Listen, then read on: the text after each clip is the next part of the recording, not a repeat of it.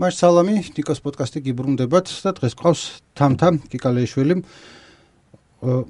რესტორატორი, შეფი, ტელესახე. სწორია, რამე ხარ გამომრჩა. ხო, პირველ რიგში ალბათ ზარეული, ანუ შევზარეული, მე უკვე ყველაზე ბოლოს ტელესახე მაინც ესე. ხო, ზოქსი საქ ხოლმე რაც მილაპარაკია, თქო შეფს ვამბობ და მე ანუ ცოტა რესტორატორი წინ წამოვიდეს თუ აა ვიცი, ყველას თავის იმდია. ჩემ შემთხვევაში მაინც უყავთვის ზარეულად ვიხსენიებ ხოლმე ჩემ თავს მაინც. ხო, თამთა ყო საქეთ სტუდიაში და იქით როგორც ყოველთვის გოჩა და ანა დაგვეხმარებიან თავიანთი რაღაცეებით გოჩა ხმას გაგვისწორებს და ანათ რო დრო კომენტარებით შემოვა. ასევე ანა შენგან დავიწყებ. შენი შნო მივიღებ სმენელისგან დიმამ გითხრა რომ პოდკასტში თქვენობით რომ მოგმართავს ანატე ხავსო და სახში რაც გინდათ ის გიქნიათ თუ რაღაცა ეს თქმრობა არის მოკლედ პოდკასტში შენობით მომართავ, გარეთ შეგიძლიათ ქონობა შეინარჩუნო როგორც. აა, კარგით. კარგი. კარგი კადრი. განლაგება. ხო და ესე დავიწყებთ. ეხა ეს ავქნათ, ქუდი გავუშვათ, თქვენ უსმენთ ნიკოს პოდკასტს, მე ვარ ნიკო ნერგაძე და თამთასთან ერთად ვილაპარაკებთ კოლენარეს ხელოვნებაზე.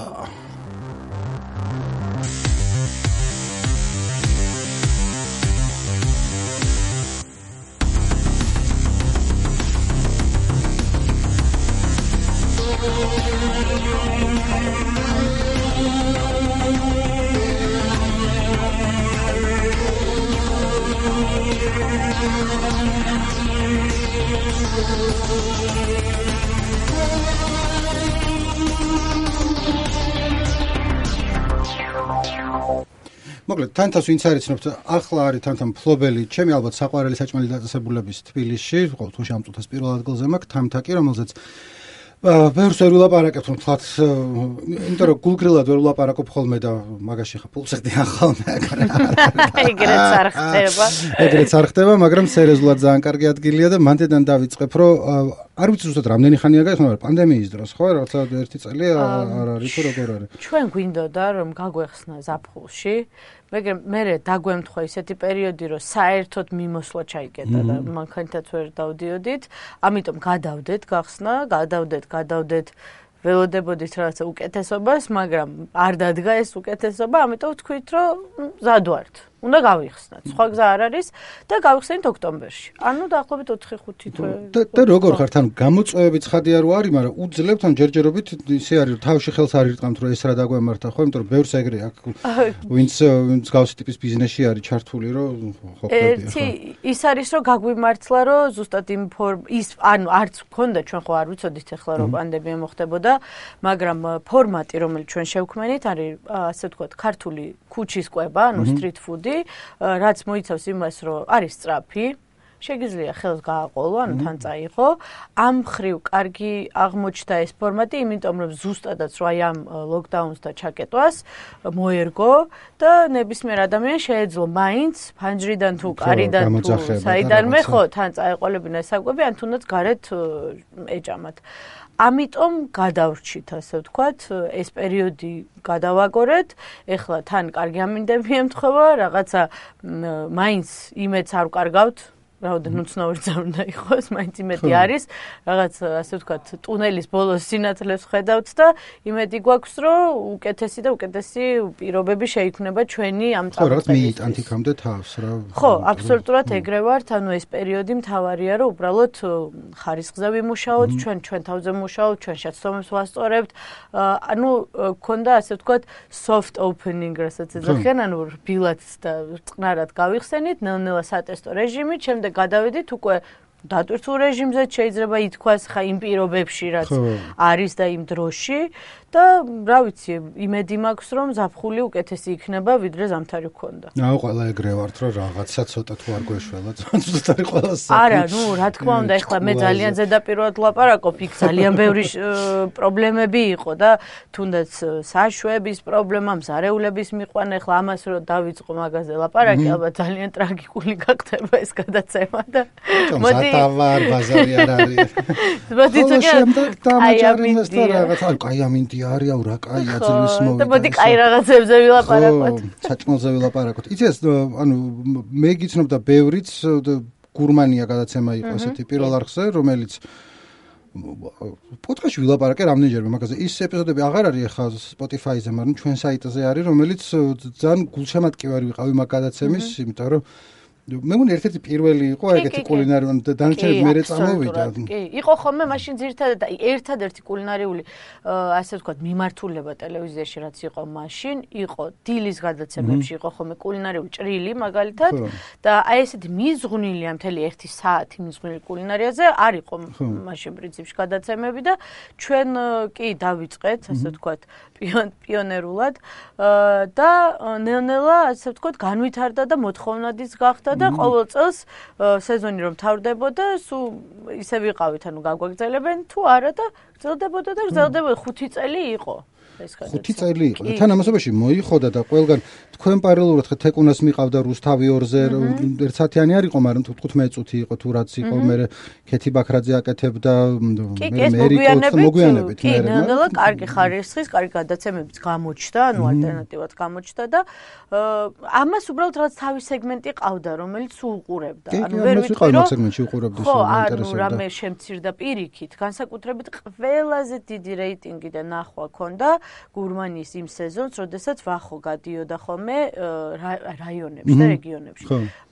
ანუ ქალაქს რო გავწდით და მივდიოდით ბებოების მოხვეული ხინკლები, არ ვიცი, მოვიარეთ, ნუ პრინციპში ვახო დადიოდა უმეტესწილად, მაგრამ ანუ მართლა გურმანია მოიარა მაქსიმალური რაოდენობის რეგიონები, რაც შესაძლებელი იყო.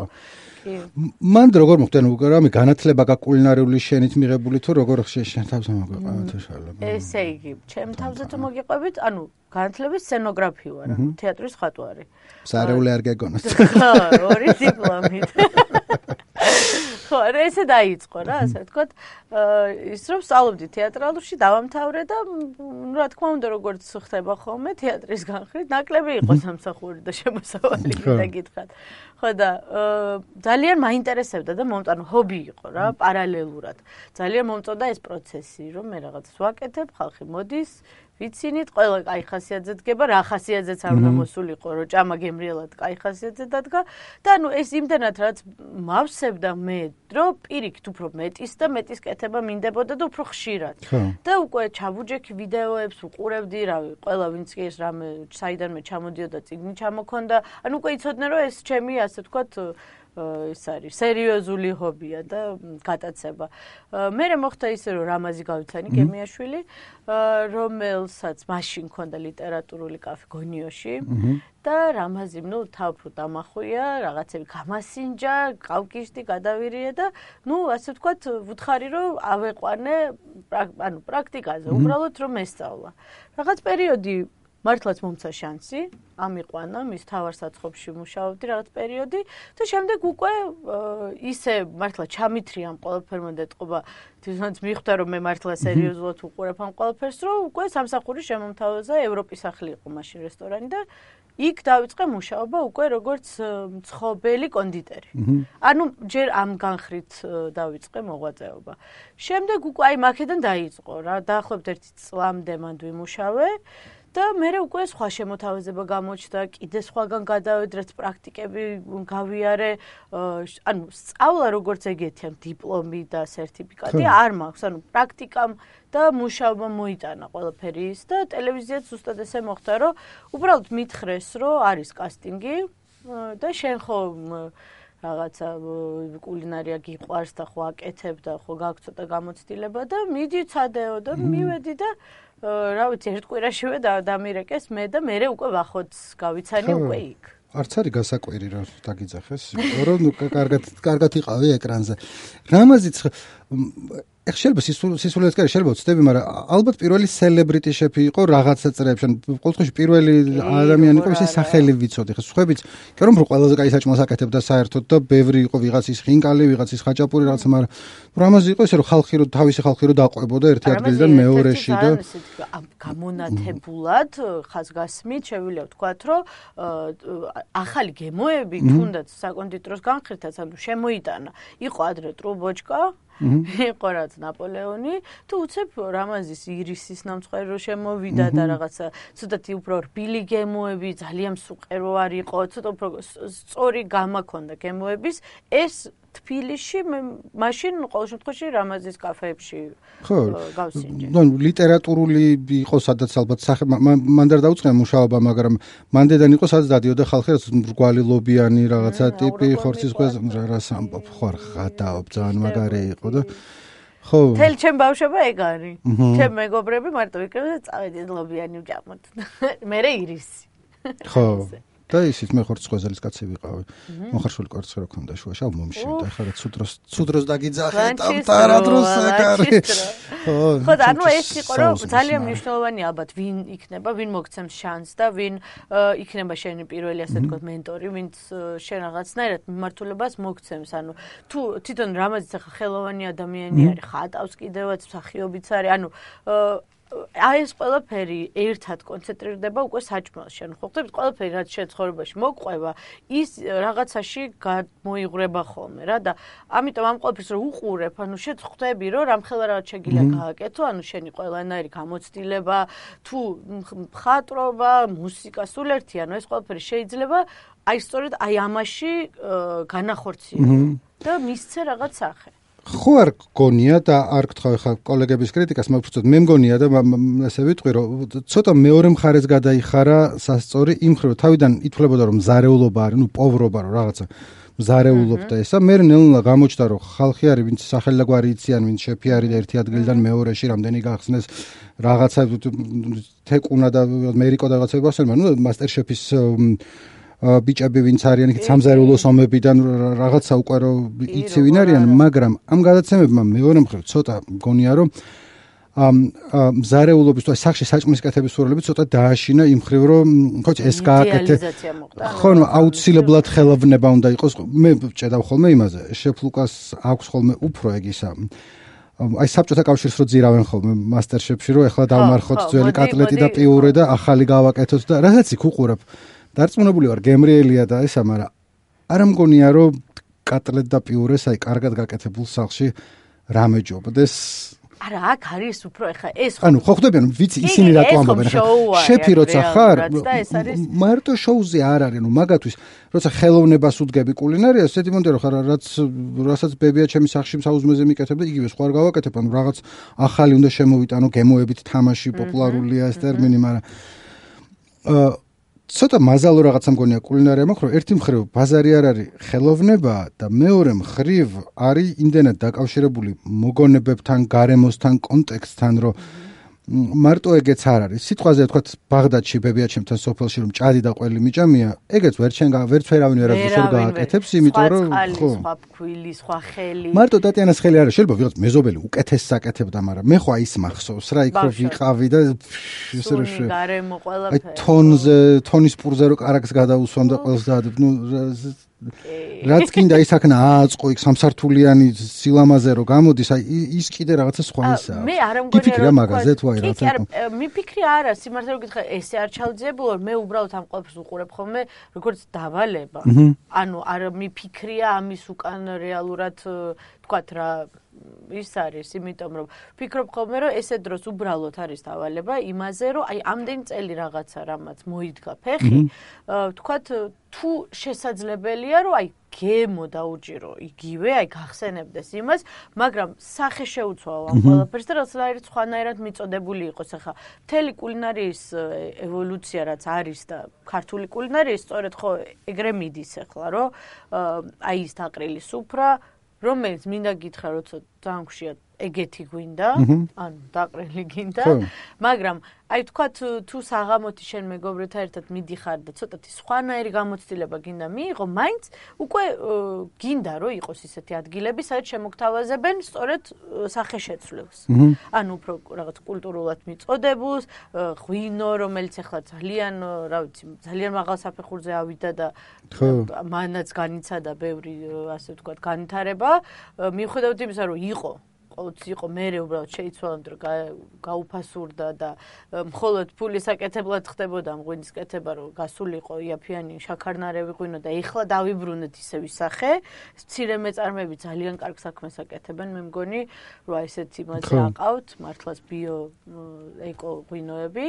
და ვფიქრობ რომ აი კულინარიაში ახლა ეგ ხდება რომ არ უნდა დავკარგოთ ის ძველი კატლეტი და პიურეა თუ თქვა ჩვენი რა ხაშლამან რაც არის, მაგრამ ალტერნატივა უნდა ყოველთვის იყოს, იმიტომ რომ გააჩნია ეს ხო ანუ შეიცვალა წარმოქმნა საერთოდ ყვებაზე, ანუ აღარ არის ეს ალბათ ხა კი სოციალური ფონით ცოტათი ხო შეიცვალა ხა სად 90-იანებში როგორც და ეხლა. ანუ აღარ არის მარტო ის რომ დავნაყრდე და უბრალოდ რამესადილი იყოს. ანუ უკვე გინდა რომ თქვათ რაღაცა სხვა გამოცდილებაც მიიღო რა საკვებისგან. თანამ ბოლო დროს მე ვიტყოდი ბოლო 10 წელი რა ნელ-ნელა ეს მომხმარებელიც დაიხვეწა კი რა უფრო მომთხოვნი გახდა თქვათ ახლა შიდა ჯგუფებში კულინარიულში არაერთი ვარ გაწევრიანებული და აი სულ მოთხოვნარი ვარ ის რაცა გემოებით თამაში მინდოდა იქ დამაკლდა რაღაცა სიხალასე და მე კი მგონია რომ ხანდახან ატრაკებენ ხოლმე კი არა და არ მგონია ეგრე არის მაგრამ ნუ მაგის მიღმა არის მოთხოვნა რომ აი რა რაღაცა გამავალცე ხა და რომ თავი გამოიჩინოს ხოლმე და თქვა რომ აი ვიცით და ესეც მიჭამია და შემილია რაღაცა შევადა რომ ა რეალურად ვინც მართლა სამძარეულო შეკიდა უფრო ნაკლებად პრეტენზიულია სინამდვილეში. იმიტომ რომ მე თუ გემრიელია საჭმელი რა ვიცი რაღაც ძალიან ესეთ წვრილ რაღაცა უზუსტობებს თუ არ ღარ გავეკიდები იმიტომ რომ ანუ ჩემთვის საკმარისია თქვა რაღაცა ის გემო რომელიც მე მომეწონა. თქვა აი თუნდაც მაგას ვამბობ რომ უკვირდები ხო აი ცოტა ის დამაგდა და ცოტა ის. ანუ მე მგონია ზედმეტია მაგრამ ეს კარგია ერთის ხრი იმიტომ რომ უფრო მოდის ფორმაში ყველა ანუ ხვდება რომ შეიძლება გააკრიტიკონ არ უნდა რომ გააკრიტიკონ, უნდა რომ აქონ და შეაკონ და მის ბიზნესს წავიდეს წინ. ამიტომ ამ ხრივ კარგი საქმე კეთდება და მეორე მხრივ რა თქმა უნდა ზოგი ახლა ბევრი ბევრი ისეთი რაღაცები იწერება ხოლმე რომ რომელსაც უბრალოდ არც ვკითხულობ ხოლმე, იმიტომ რომ აბსურდია და რაღაცნაირი უბრალოდ ვიღაცის არ ვიცი რა ფორმაა რომ ყურადღება მიიქციოს რა. ვიცი ხო, თან ნუ ეგეც სამყაროა ახლა რა, მაგასაც უნდა შეეგო ამბავია და თან მე რაც ამიკითხავს, ანუ რა მნიშვნელოვანი განსხვავებაა პროფესიონალსა და სახშირო საჭმელს აკეთებ ხოლმე. სახში მე ვაკეთებ ხოლმე სულ და ხანდახან აი ძალიან მაგარი გამიკეთებია, მაგრამ ძირითადი განსხვავება არის სტაბილურობაო, როგორც ხვდები, რომ ყოველდღე ერთნაირი იყოს და შეიძლება ყოველდღე ის ტოპი 10-დან 10 არ იყოს, მაგრამ 8-დან 10 უნდა იყოს ყოველდღე, რომ ის არ იყოს, რომ დილას პახმელიაზე ვარ თუ რაღაცა და რამდენად რთულია ეგეც. ხო რა, აი რაღაც დაალაგო, მით უმეტეს პატარა ოპერაცია როცა გაქვს როგორც შენ ანუ ის კი არა რაღაც კონვეიერზე რო ეხა შვებით დავაკეთებთ არამედ რამდენიმე ადამიანი გულანთებულები შვებით და ძალიან რთულია აი ჩემ ჩემ ანუ ამბავშიც თუნდაც ვიტყვი. მიხედავთ იმისა რომ ამდენი წლის გამოცდილება მაქვს 10-11 წლის გამოცდილება მაქვს სამზარეულოში მუშაობის ხარისხის დაჭერა არის ურთულესი ანუ სტაბილურობის და და გემოს დაჭერა. ეს უკვე მართლა გამოცდილებით მოდის ეს მოდის დაუღალავი შრომით იმიტომ რომ სახში ანუ სხვა არის, როდესაც აკეთებ ემოციურად. აი მაგალითად ჩვენ მენიუს როცა ვქმნით, ანუ ვაკეთებთ რაღაც კერძებს, აი ახალი რაც პროექტია და მეუბნებია რომ გავაკეთოთ მენიუ. მე თუ პარალელურად არ ჩავიწერე ეს ყველაფერი, შეიძლება ემოციურ ფონზე ის რაღაცებს ჩავყარო. იმიტომ რომ აი გითხასიათება და აი მოვიდა, ხო? ჩავყარო შეიძლება ერთ კვირაში რომ მითხრან რომ აი ზუსტად იგივე გააკეთე, ანუ არც ჩემი არ ექნება ზუსტად იგივე, იმიტომ რომ ემოციურ ფონზე გაკეთებული საკვები და ცივი გონებით უკვე როგორც პროდუქტს რო ქმნის, აბსოლუტურად სხვა სხვა რაღაც არის. ამიტომ არის რომ აი ჩვევაში უნდა გამოიმუშაო წლების მერე, რომ აუცილებლად გააკეთებ, ჩაიწერო. ყოველთვის უნდა გქონდეს ციგნაკი, ყოველთვის უნდა გქონდეს პასტა, იმიტომ რომ მაგის გარეშე ვერ მიაღწევ იმ სტაბილურობას. ეს უკვე საქმის ხრივ რა. ხო, იმიტომ რომ აი აი არის გასაყოფი, რომ თქვა, როცა სახში აკეთებ, მე როცა ვაკეთებ ხოლმე ყველაფერს უშვები, ძალიან ბევრ ნიორს, იმიტომ რომ მიყვარს და თუ რაღაცა მოვიდა და არ უყვარს ნიორი, ძალიან ცუდი მისთვის, იმიტომ რომ ნიორიანი გემო აქვს, იმიტომ რომ ნიორის გარეშე არაფერს აზრი არ აქვს ცხოვრებაში. არა, მე ძალიან ნიორი და კარაკი არის ჩემს საყვარელი რაღაც. მე ამის იქით არ ვიცი. ყველაფერი გემრიელია მაგით. ხო და ნუ აი ეგეც გემოვნება რა თქმა უნდა თავისაშვები ყოველს თავისი გემოვნება. აქვს ხა მე თითქმის მარილს არ ვუკეთებ საჭმელში იმიტომ რომ არ მიყვარს მარილიანი საკვები მაგრამ ხშირად მაგალითად ჩემთანაც რო ვაკეთებ ხოლმე საჭმელს ხშირად ყოფილა ისე რომ მოუთხოვიათ მარილი და ვთქვათ მე გამისინჯავს მე იმიტომ რომ ვაი ანუ აკლია თუ რაღაცა თუ ჩემთვის ანუ ძალიან კარგია ამ დროს. და უბრალოდ თავარი ეს ბალანსი ხა ეგეც წლების მერე მოდის უკვე ხვდები მომხმარებელს როგორ გემომოწონს, თქვათ მასას რა მოსწონს, თქვათ რა არის უფრო პატარა სეგმენტზე გათვლილი კერძი რამდენად მომგებიან ესად თოთ მაგის ქონა.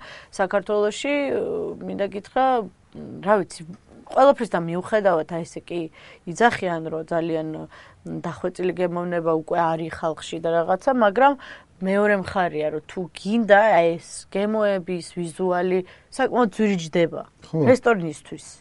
ხმევრი ადამიანი შევა არ უკვირდება მაგას და რო შედის რესტორანში და რაღაც კერც ხედავს და უიმე 50 ლარი გას ამბავი. ამიტომ ვერ მოი გაფეხი აი ამ რაღაცა fine dining-მა საქართველოში, იმიტომ რომ მაინც ძალიან მცირე არის სეგმენტი იმისი, რომელიც მიდის აი საჭმელად როგორც გასართობად და როგორც პერფორმანსად რა. ანუ უფრო აი არიხდის ადამიანი იმხელა თანხას. თუმცა საბაზისო ღირებულება რომ გაძვირდა ბოლო 1 წელია განსაკუთრებით ან ჯერ კიდევ ცოტა ხნის წინ კაცზე 10 ლარი იყო ჩვეულებრივი ანუ იაფი მარე შეჭამდი რა ეხლა 20-დან იწყება როგორც არაფერი რა. სასმე მithumedes თუ რამე. დააყოლე რაღაცა და ჩაიც მოგინდა ან რაღაცა. არა, ჩაიც მოგინდა 30. აი, ყოლა, ანუ არ წარმოგიდგენიათ როგორი რთული არის, რომ შევინარჩუნოთ ის ხარისხი და თან გული არ გაუხეთქოთ თქვა ჩვენ მომხმარებელს ან ადამიანს. ბევრი რაღაცა სახშიც რო გააკეთო, ბევრად იაფი კი არ დაგიждდება იქ, რასაც შეჭამ. არა, ბევრად იაფი ვერ დაგიждდება, იმიტომ რომ ერთი პორციის გაკეთება იდეაში უფრო ძვირი ჯდება, ვიდრე 10 რო გააკეთო, იმიტომ რომ სხვა რაოდენობას ყიდულობ, ანაწილებ, არ გიტოვებს რაღაცა ნაშთს, ანუ ითვისებს სულ რა. რა თქმა უნდა, სახში ცოტათი შეიძლება ითქვას, რომ რაღაც შემთხვევაში უფრო ძვირიც გამოდის. ქართული სამზარეულო სხვათა შორის მით უმეტეს. იმიტომ რომ ის დიდი რესტორნები ხო ბევრი შესყიდვა არის, დიდი შესყიდვა არის, დიდი რაოდენობა არის და შეიძლება იგივე ფასი დაგიჯდეს ناقიდი საკვები და თან არ დაიღალო. ну გააჩნია ვისგან ყიდულობ ეგეც უნდა იცოდე ზოგჯერ ისეთ სასწაულია, მაგრამ ხო რა. მე ის არ ხომ რაც შემიძლია რომ მარტივად სახში გავაკეთო, იმას გარეთ არ ვწვამ, პასტას აღარ ვწვამ ხოლმე აღარაზრო, იმიტომ რომ ამ ამას მეცვის ამ პონტი ყოველწკარად კარგავ უნდა ჩამხარშვია ხანდახან, მაგრამ ნუ ახლა გარეთ ვერ ბოლონეზეს ვერ შევჭამ. ნუ ხინკალ სახში ვერ გავაკეთებ კი არა. არც მაგმაგის ხა. მთელი დილა უნდა დაუთმო ახლა მაგას. ცომის გაკეთება კარგი ძლიერი ხელებით უნდა მოზილო ფასავით ცომი და თან კი მიჭამია კაი ხახში გაკეთებული ხინკალი მაგრამ მოდი თქვა აი ყველაზე კაი ხინკალი რაც მიჭამია დაწესებულებაში იყო და არა ოჯახში იმას მაინც სხვანაირი ოჯახური გემოქრა იქ უკეთესი დრო მიტარებია და მე დალევ და რაღაცა და ისე მაგრამ გამოცდილება მიგიყია უკეთესი იმიტომ რომ თან იცი ვისი ხელით არის გაკეთებული და რაც სხვა სიყვარული ჭამი საჭმელს მაგრამ გემოვნური თვისებებიდან და აი თქვა სტრუქტურულად და ფაქტურით რა თქმა უნდა იმ მათი ჯობია ვინც ყოველ დღე ახვევს და ზეპირად თვალდახუჭული რომ გააღვიძო მოგიხვევს თინკალს.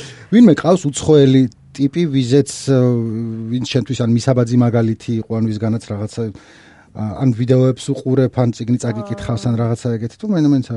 ცი რა არის ანუ ესე კონკრეტულად თქვა celebrity შეფი ვინმე ესეთი არ ნუ ალექს ატალა არის ერთადერთი რომელიც ასევე ძალიან ცნობილია და ბრაზილიელი შეფია რომელსაც ძალიან მრავალფეროვანი ცხოვრება ქონდა და ბოლოს ასე თქვა საკმაოდ ისეთ ასაკში მიაღწია იმ ყველაფერს რომ მიიღო ვარსკვლავი მიშლენის და ძალიან ცნობილია და მართლა მისაბაძი ადამიანია იმიტომ რომ ეს ამაზონის ტყე და მთლიანად აითვისა ეს მიწა ჭიანჭველიდან დაწყებული რა ვიცი ალბათ რაღაც ტვერით დამთავრებული, თავის მიწაწყლის აქვს ათვისებული და ეს ყველაფერი გადმოიტანა თავის კულინარიაში.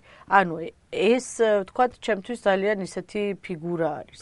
მაგრამ რა თქმა უნდა არის კულინარის მამები, რომლებსაც ყოველთვის როცა გადიხარ ამ ყველაფერს, მიდიხარ ამ ფრანგიბიცა პოლ ბოკუსი და ასე ვთქვათ ძველი თაობის ძალიან მაგარი მზარეულები ფრანგები ძირითადად რომლებმაც დიდი საფუძველი ჩაუყარეს კულინარიას და რა თქმა უნდა მაგათ კულინარიას სწავლობ როცა იწყებ იმიტომ რომ საბაზისო ცოდნის გარეშე ვერ წახვალ ხო წინ ანუ ბაზა უნდა იცოდე რა არის დედასოუსები, რა არის ასე ვთქვათ ამ ყოლაფრის საფუძველი და შემდეგ უკვე შეგიძლია რაღაცა შენ თავს მიცე უფლება რომ რაღაცები ვთქვათ მოიფიქრო, იმიტომ რომ მაგის გარეშე ანუ არ არსებობს. ცოდნის გარეშე კულინარია არის ეს თუ ინჟინერია, ანუ საბაზისო ცოდნა აუცილებელია, მე ვფიქრობ, თუ გინდა რომ განვითარდე. ხო, მასზე იყო რა, რა არისთვის არის და როგორ და ხო, აბა რა, ანუ უნდა იცოდე რა კეთდებოდა, ანუ მაშინ რა იყო. და რას აკეთებდნენ ის ადამიანები.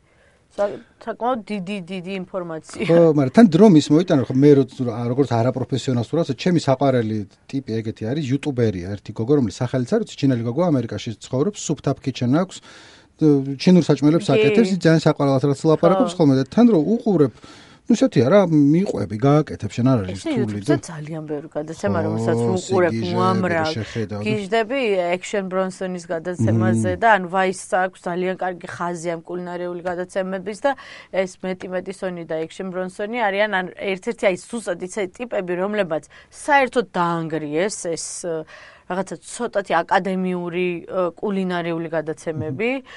ანუ იგინებიან რაღაცებს რა თრებიან, აი ყველაფერს აკეთებენ, მაგრამ ისე აი ზუსტად იჭერენ იმ განწყობას, რომ მართლა გაგ შეიძლება რომ იქ ხარ ახლა მაგათთან ერთად ერთობი, უკვე შენ თრალი ხარ, ჭამე და კაი ხასიათზე. ხო რა შოუ არა, ახლა ნახევარს ხო მაგიტო უყურებ, რომ ხარ მაგის გამკეთებელი არა ხარ, უბრალოდ უყურებ ტიპი როგორ აკეთებს საჭმელს და კი, კი, მაგრამ ანუ მუხტი ძალიან მნიშვნელოვანია რა. აი ჯემი ოლივერს რო ქონა ხოლმე 20 წუთიანი კერძებით, ნახევარ საათში 4 რაღაცას აკეთებდა. ჯემი ოლივერი მაგრამევასება ტიპი და ძალიან მაგარი წამყვანია. კი, აბა რა, თან მარა დედა სოფიც ავარ ნახევარ საათში ვინმე მეკ თუ ეგრო ხახვი დაჭერი წრა ხალხი ერთი 20 წუთი რა სამბობ. მიუხედავად 20 წელია რო აკეთებს ამ საქმეს და 20 წუთში გააკეთებს კი არა 5 წუთში გააკეთებს. აა მე ვნახე რომ გარდიანს ქონდა გაკეთებული რაც 4 სხვა შეფი აკეთებდნენ იმარაც ნახევარ საათში გააკეთა აბა რამდენი ხანი დაჭირდებოდა და საათ ნახევრზე ნაკლები არც ერთ არ დაჭირვებია თავისი მომზადები დაჭრით და ასისტენტი ყავს რომელიც გარეცხ მწვანილს უკვე კაფცქნილს ყველაფერს დაგახვედრებს და შენ უბრალოდ დააბრენდერო ანუ ორ წამში გააკეთებ აპარასიზა ჩაყრი და მოურე ჩაყრი და მოურე ვის ყავს ასისტენტი? არავის ხო. არავის. მაგრამ ეგ არის კიდე მე მახსოვს პირველი ჩინური რესტორანი რო გაჩნდა თბილისში. რაღაც ფროსმა მეგობრებმა წამიყვეს და მეთქი აა გუმბაო რა არახისი და რაღაცა და ეხა ტაილანდურები შემოვიდა ყოველი ფეხის ანუ ყოველ ყველგან ნუდლსი არის. კი. რა კარგია. მაგრამ ამ ყოველფერთან ერთად მინდა გითხრა ხარისხი უფრო დაეცა. საშინლად დაეცა. ხო მე აზიურ საჭმელს ორ ადგილას ვჭამ, მე ადგილას არ ვჭამ და საჭამ ბარემ ანუ ის არის ფული არ აგვიღია მაგაში. სტამბაში ვჭამ, შიორამენის რაც არის, ძალიან მომწონს მაგათი სტიმბანები და ნუ თეკუნა აკეთებს ხოლმე ძალიან კარგად აზიურ დიმსამს და ეხლა ახალი კაფე, კაფე რა ანუ აზიური ასე ვთქვათ, რა დავარქვათ ამას? ფიუჟენი დავარქვათ, ყველაფერი ფიუჟენი არის. აა ძალიან მაინტერესებს, ცატესტო რაღაცები ნახე რაც იყო და ძალიან საინტერესოა და ნახოთ, აი ისევ ესეთი ისინი თუ წამოწევენ წინ ხარისხს, მაგრამ ეს ყველაფერი ხომ ფინანსებთანაც არის დაკავშირებული. აი თან მე მაღაზე უფრო მიყვარს თქვა ვოლტზე რაღაცაზე თუ უყურებ ხოლმე და უამრავი ტაილანდურია და მე გადავდივარ Facebook-ის გვერდზე და თუ არის რაღაცნაირი ცოტა ბინძური კი არა ესეთი მიტოვებული ადგილი სადაც ბევრი ტაილანდელი აქედან უკვე თავხობ. ნახევარი არ ვარგა. ნახევარი არ ვარგა, მაგრამ ნახევარი არის აი Facebook-ზე რა ფოტოები უდევთ და ტაილანდურად უწერიათ და ვიღაც თავიანთი ფოტოები აქვს, როცა თვითონ შედან და ჭამენ და მეთქი აი როგორ წეხა ქართული რესტორანი სხვაგარო წახვიდე იქ მინდა რომ ქართველები ისხდნენ და ისინი ჭამდნენ და არა ვთქვა ხო ეგენი იყვნენ და ერთი ორი ძალიან კაი იყო. არა ესე რენდომად ანუ შიგადაში რა თქმა უნდა მეც გამომიძახებია და გავგიჟებულა და იაფი რო იყოს მაგას და იაფი იყო თქვათ კარგი დალების მეორე დღეს თავი რო გტკივა გინდა ცხიმიანი ცხარე საჭმელი და აი ეკუნას დიმსამი კი არ მინდა ჩა არა გინდა ზეთი დაიცხა თავზე და აი ეკესი რო გინდა ყოფილა. ძალიან გემრიელს ვიჭამე ახალი აზია მაგალითად ძალიან მიყვარდა ადრე განსაკუთრებით გრიბოედოვის ქუჩაზე. ეხლა უბრალოდ დიდი ხანია ნუ ხან პანდემია იყო, აღარც მისვლა, არც ვიცი ეხლა რა მდგომარეობა, მაგრამ იყო ანუ მანდაც სტაბილურად ძალიან მომწონდა. მე რაღაც მომენტში რაღაც რაღაცა არ მოგეწონა ხო. ხო, ისეთი და იმის მერე აღარ მისულა, სხვათა შორის აღარ გამომიწახია. ზუსტად ზედმეტი ცხიმიანობის გამო. გინდა ცხიმი, მაგრამ ამდენი ცხიმით აღარ გინდა. ხო, აი, თუ გაცივდა და ზევიდან დევს ხოლმე ან აი, უკვე პირზე როცა გადაკლული ცხიმი არის, უკვე უკვე აღარ გინდა.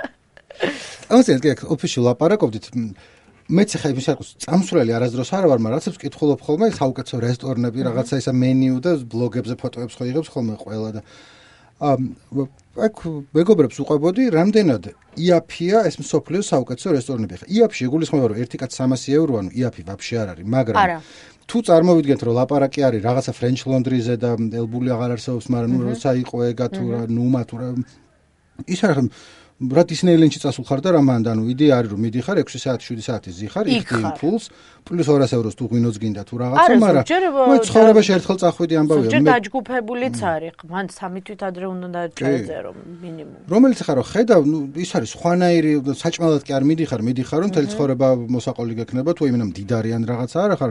მე არ ვარ მდიდარი მაგრამ სიტყვაზე ერთხელ სადმე რო ვიყო 500 ევროს ამბავში სესხს გამოვიტანდი ბანკიდან თუ მაინტერესებს რა რომ შევალ და რაღაცა იყოს და დაახლოებით იგივე რაც ორი კვირა რო სადღაც დაისვენ რომ აი ნახე ეს თან რადიკალურად სხვანაირი სერვისი არის. გემოს რო თავი გაანება, ნუ თუნდაც ვარსკვლავს, ხა მიშლენის ვარსკვლავი, რომელიც ბევრისთვის, ბევრი შეფისთვის სხვათა შორის გაუფასურდა, იმიტომ რომ ამბობენ რომ ძალიან ბევრმა მიიღო დაუმსახურებლად და ვიღაცები ვინც პირიქით იმსახურებდნენ, მათ არ მიიღეს და იყო რამოდენიმე შეფი, რომ რომლებმაც საერთოდ უარი თქვა. არ მინდა ხო, ეხლა ვკითხულობ დამავიწყდავთ რა ერქვა იმდებს რომ რაღაცა too much pressure თუ რაღაცა ამბობდა რომ არ ისე. რა მართლა არ უნდა და მე გემრიელი საჭმელია ამომიღეთ მანდ. ანუ არ ჭირდება ვიღაცის ვიღაც ორი კოსტუმიანი ტიპის მისვლა და დასტური იმისა რომ კი კარგად აკეთებ და იმსახურებ ამას. ან ურჩევნია რომ თვითონ თავის საქმე აკეთოს.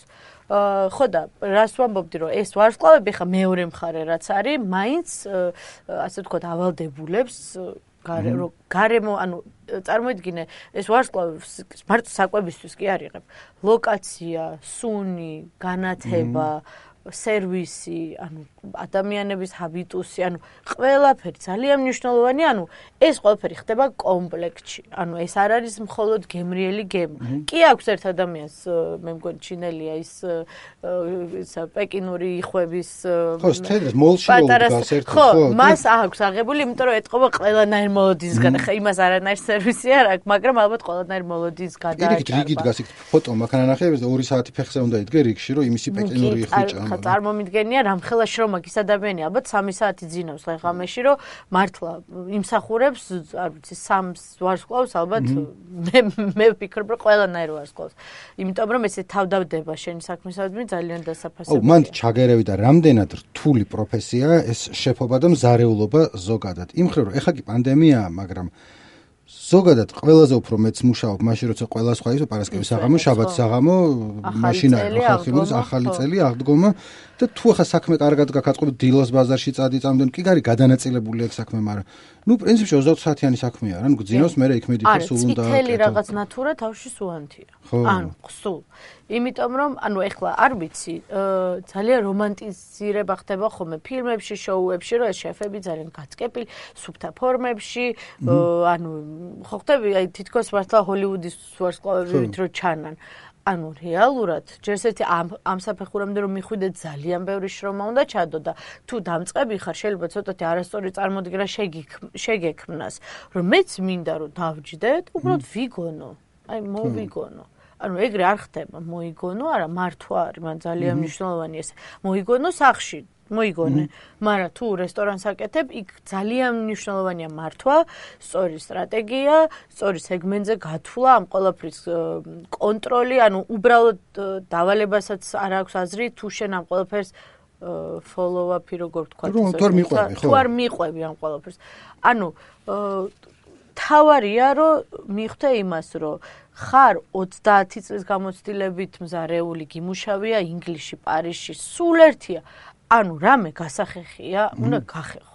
რაღაც გასაკეთებელია, უნდა გააკეთო. რაც უნდა ზიდო, ზიდე. ანუ არ აქვს მნიშვნელობა. აი ეს ცოტათი უჭირთ ხოლმე, რა თითქოს ესე მგონია, რომ რაც ამ პირად შეურან დაკნინებად აღიქვავენ ხოლმე, რომ აი მაგათაც მქონია ესეთი ისა, რომ პრაქტიკანტი ყავდა ერთი და მე რამდენიმე წლის მერე სადღაც შემხვდა და უი, კაი იყო კი თქვენთან პრაქტიკაზე ვიყავ, მაგრამ მარტო პარმეზანს მახეხინებდი წელი დღე.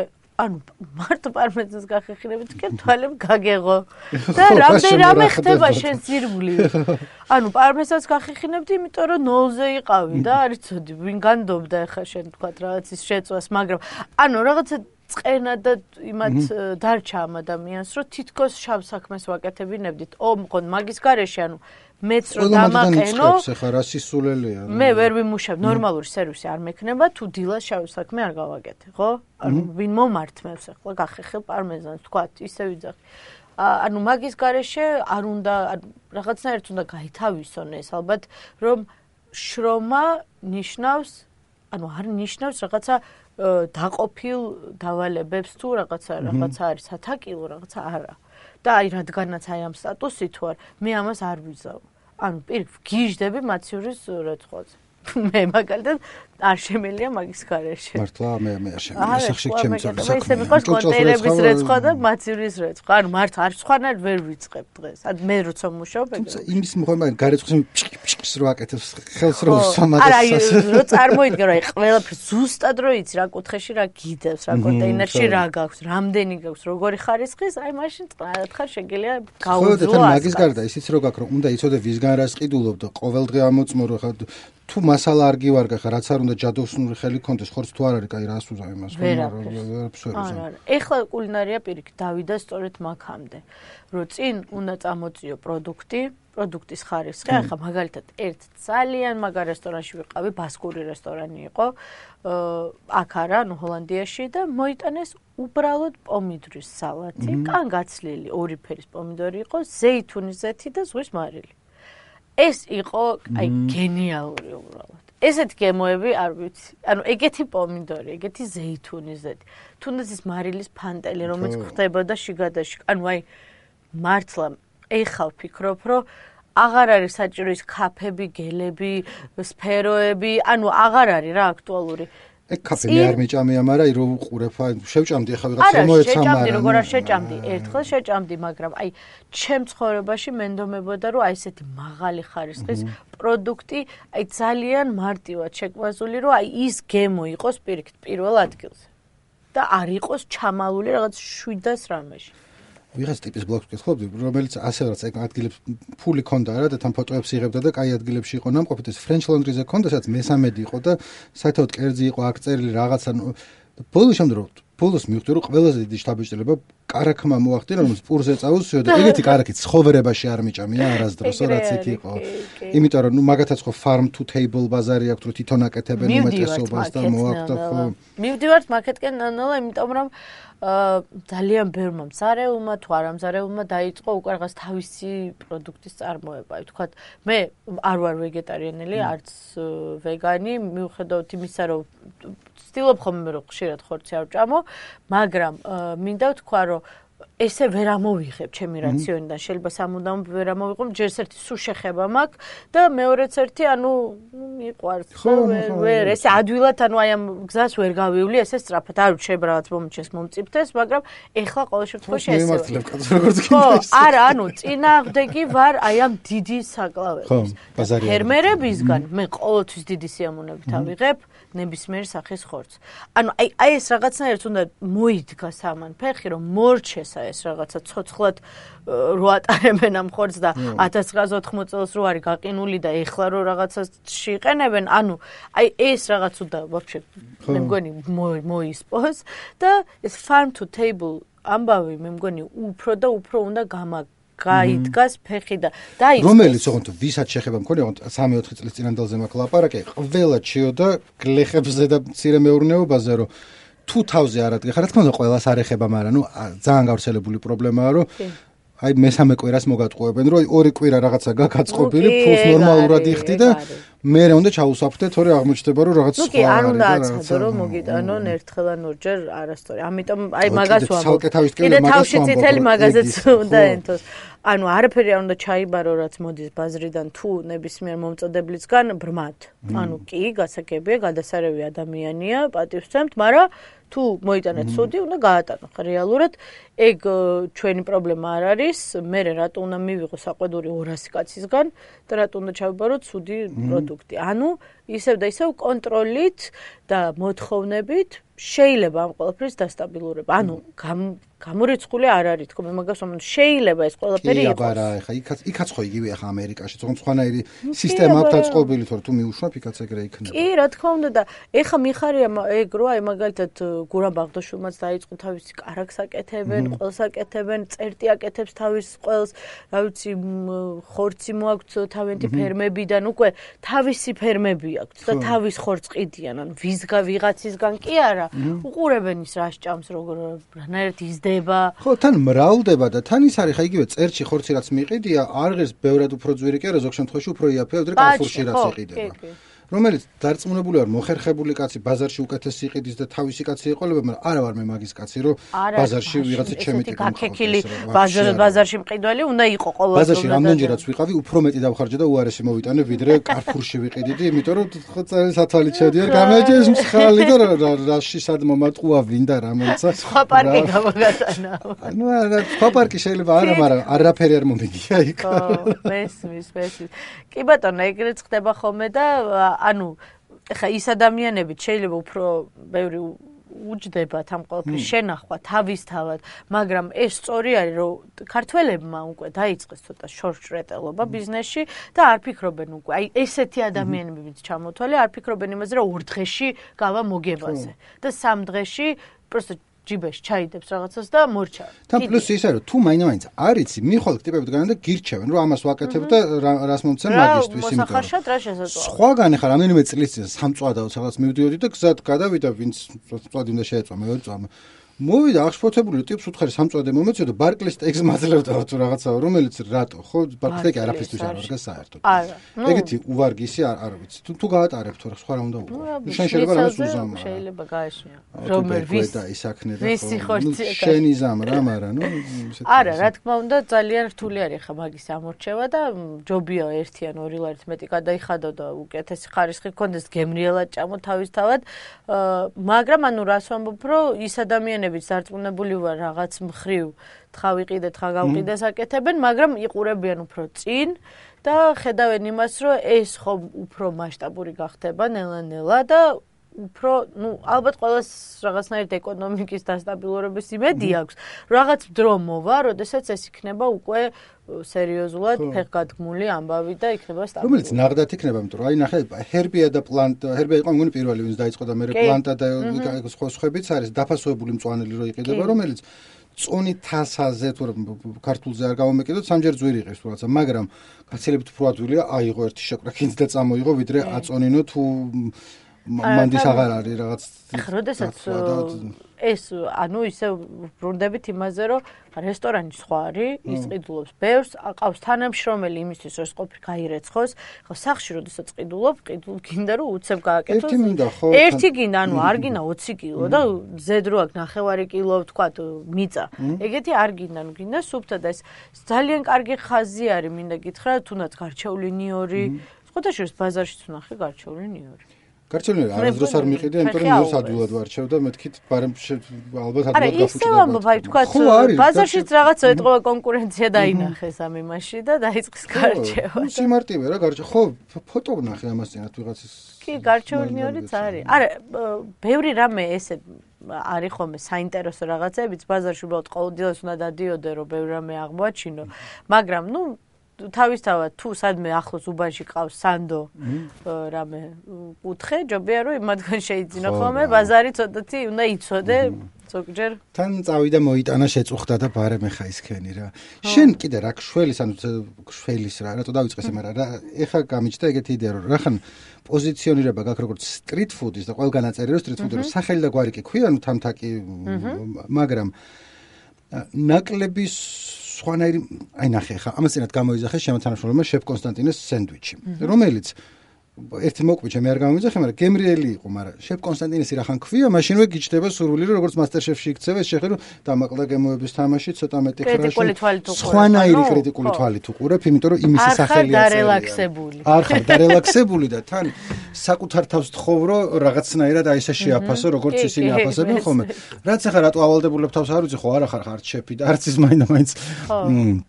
კრიტიკოსი თუ რაცა, მაგრამ ნუ უკვე მოითხოვება რომ ცოტა მეტი გადავიხადე, ხა სახელში გართმევს მეც რა და ამიტომ მოდი ახლა მეც დავიხარჯები, რომ აქ ახლა ცოტა შაქარი რაღაც აბსურდს რომ მოითხოვ. რა, მოუხთებოდა რომ იცი.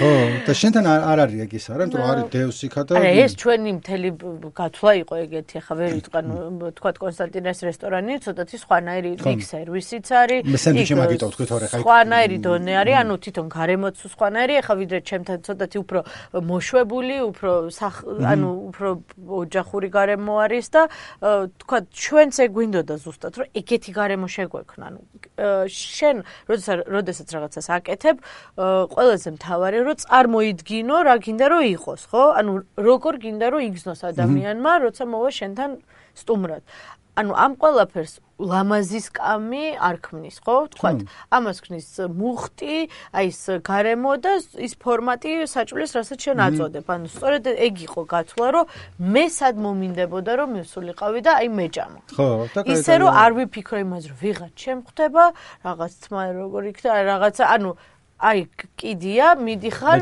ნებისმიერ რესტორნებს ვეღარ ვიტან აი რაღაც სადაც უნდა მიხვიდე და შეიძლება ასაკიშვება და ის რომ აღარ მაქვს მაგის ინტერესი მაინდა მაინც აი რომ მემსახურებიან არ შემილენ. ნუ ერთ-ერთი თქვა ქართულში ან რაღაც ხინკალი ლუდი რაღაცა მაგამ ბავშვი ხო. რა რა უხერხულებს ნოფხობთ თავს რა არა ეგეც არ არის. ზოგჯერ ქსიამონებს რომ ეგრე ხდება მაგრამ გააჩია განწყობას ახლა. უბრალოდ ვამბობ რომ ეს ყოველდღიურობაში არ გვინდა ხო? ანუ ყოველდღიურობაში ჩვენ გვინდა უფრო მოშვებული სიტუაცია. რეალურად მე მინდა რომ ნებისმიერ დროს სადღაც შევირბინო და რაღაცა ცხელი ხორცუკა დამახვედრონ კაი соуსი მომისხან პურში გემრიელ გამომცხვარ პურში ვიღაცა რომ ხედა ვისი ხელით არის გაკეთებული და ვინ მოზილა ეს ცომი და პირდაპირ გაწვდის ორ წამში გაკეთებულ ძალიან ცოტა არ თან და უკვე დიდი ხანია ცუდა თავარ მაგრამ ხანდახან ტალღებად მოდის ხო ხო. სხვა გამოცდილება რომ ის თავისი ხელით გაკეთებოს იქვე შენ ხელიდან ხელში გაწვდის. და თან გიყვება რა გააკეთა.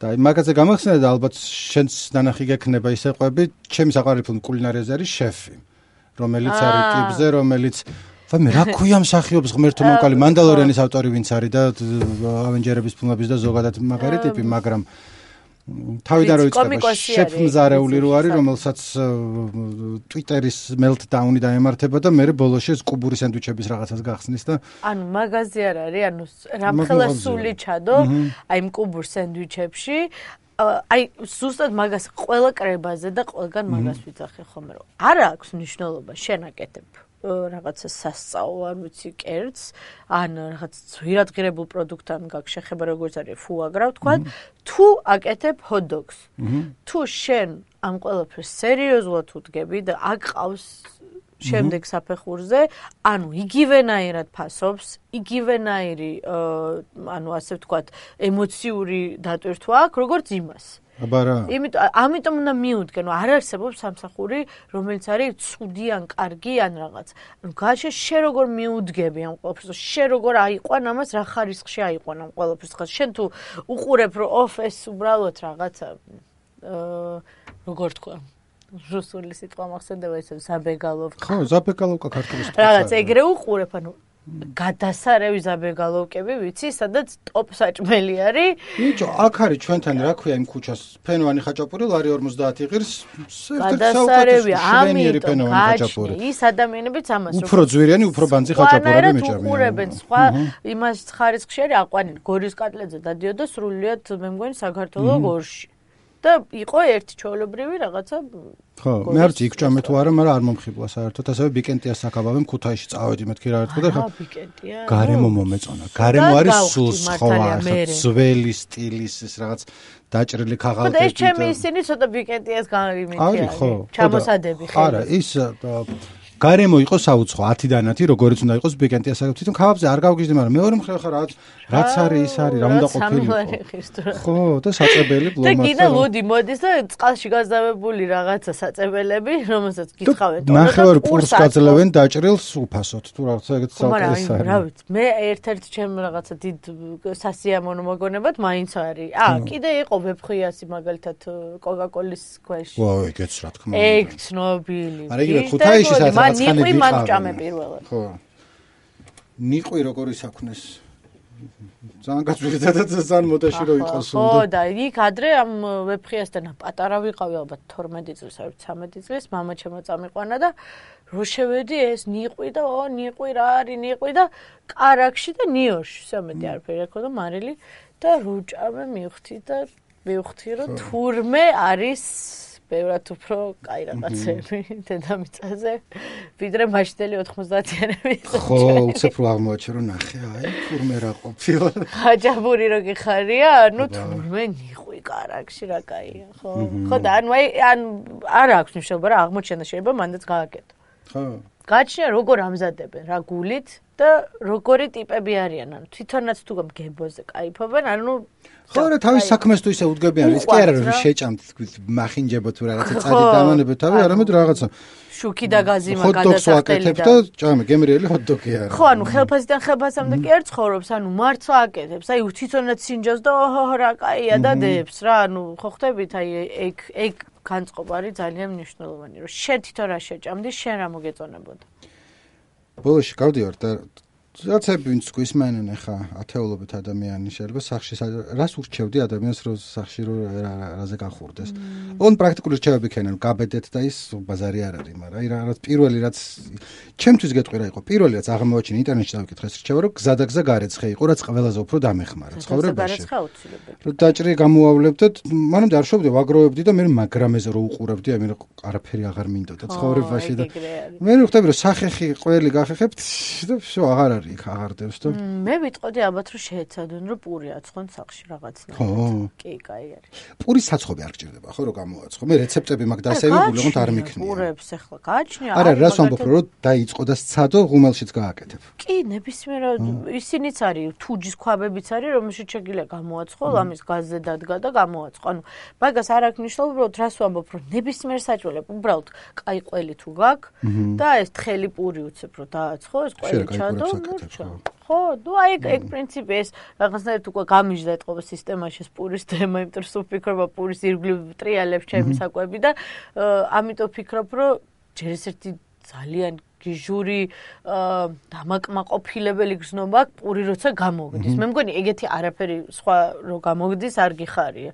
აი კარგი პური რო გამოგდის, რაღაც ხვანაირი კმაყოფილების გზნობა. ვაიმე ხო, ანუ მე არ გამიკეთებია, მაგრამ ჩემ მეგობარი სალომე პანდემიის დროს დაიწყო სტარტერები, რაღაცები გაკეთებდა, ნუ ისე ძალიან მაგარი ხელი აქვს, მაგრამ და მე სტუმრად რო იყო ხოლმე და დაახლოებით 1 საათი მის პურზე როგორ გამოვიდა მე როგორ აი ბავშვზე არ ულაპარაკია მაგდენ როგორც იმ პურზე და მე გაუგე რო აი სხვანაირად რო მე ისოცადე მარილი მიომატე მოუკლო და მე ვთქი აი არა არის რაღაცა აი რას ვამბობ რომ აი ხო ამდენი ნეგატიური ხდება და სულ რაღაცა ღელავ სულ რაღაცა ხდება და აი მაგალითად ჩემთვის კულინარია და სამზარეულო არის ჩემი რაც მიკროკლიმატი თუ მიკრო რაცა ბუშტი თუ ბურთი რომელშიც ვარ კომფორტულად და ირგვლივ რა ხდება ანუ ცუდად იკარგება და ეს არის ჩვენი escape ანუ რაცა გაპარვის საშუალება იმ რეალობიდან. და აი პურით რაღაცნაირად მე მგონია დიასახლისებისთვის სწორედ ეგ იქნება რომ აი შეიძლება ძალიან ბევრი რაღაც აზრუნავი კონდეს, მაგრამ რაღაცა პურზე რო კონცენტრირდები და რო იწყება დილაზე ფიქრს და ცოცხალია, ხო და მაგით ცოცხალი ორგანიზმია და შენ ხელში იცვლება ტემპერატურაში იცვლება. აი მე რო ცხება, შეიძლება როგორ წავადღე არავინ. არ იცის, მაგრამ აი ეს რაღაცა დილის პოზიტიური ამბავი მე მგონი ბევრ ამას შეცვლის დღის მანძილზე. და მაგარ მაგარ ჩევა არ მიფიქრია მაგაზე და აა მაგდავამთავრეთ. მადლობა რომ მოხვედი. გაგიშვებ რომ მიხედო შენ სამზარეულოს გოჩს მიხედო. გოჩს მიხედე, ხო? კალო გოჩს მიხედო. კარგი. მადლობა დიდი.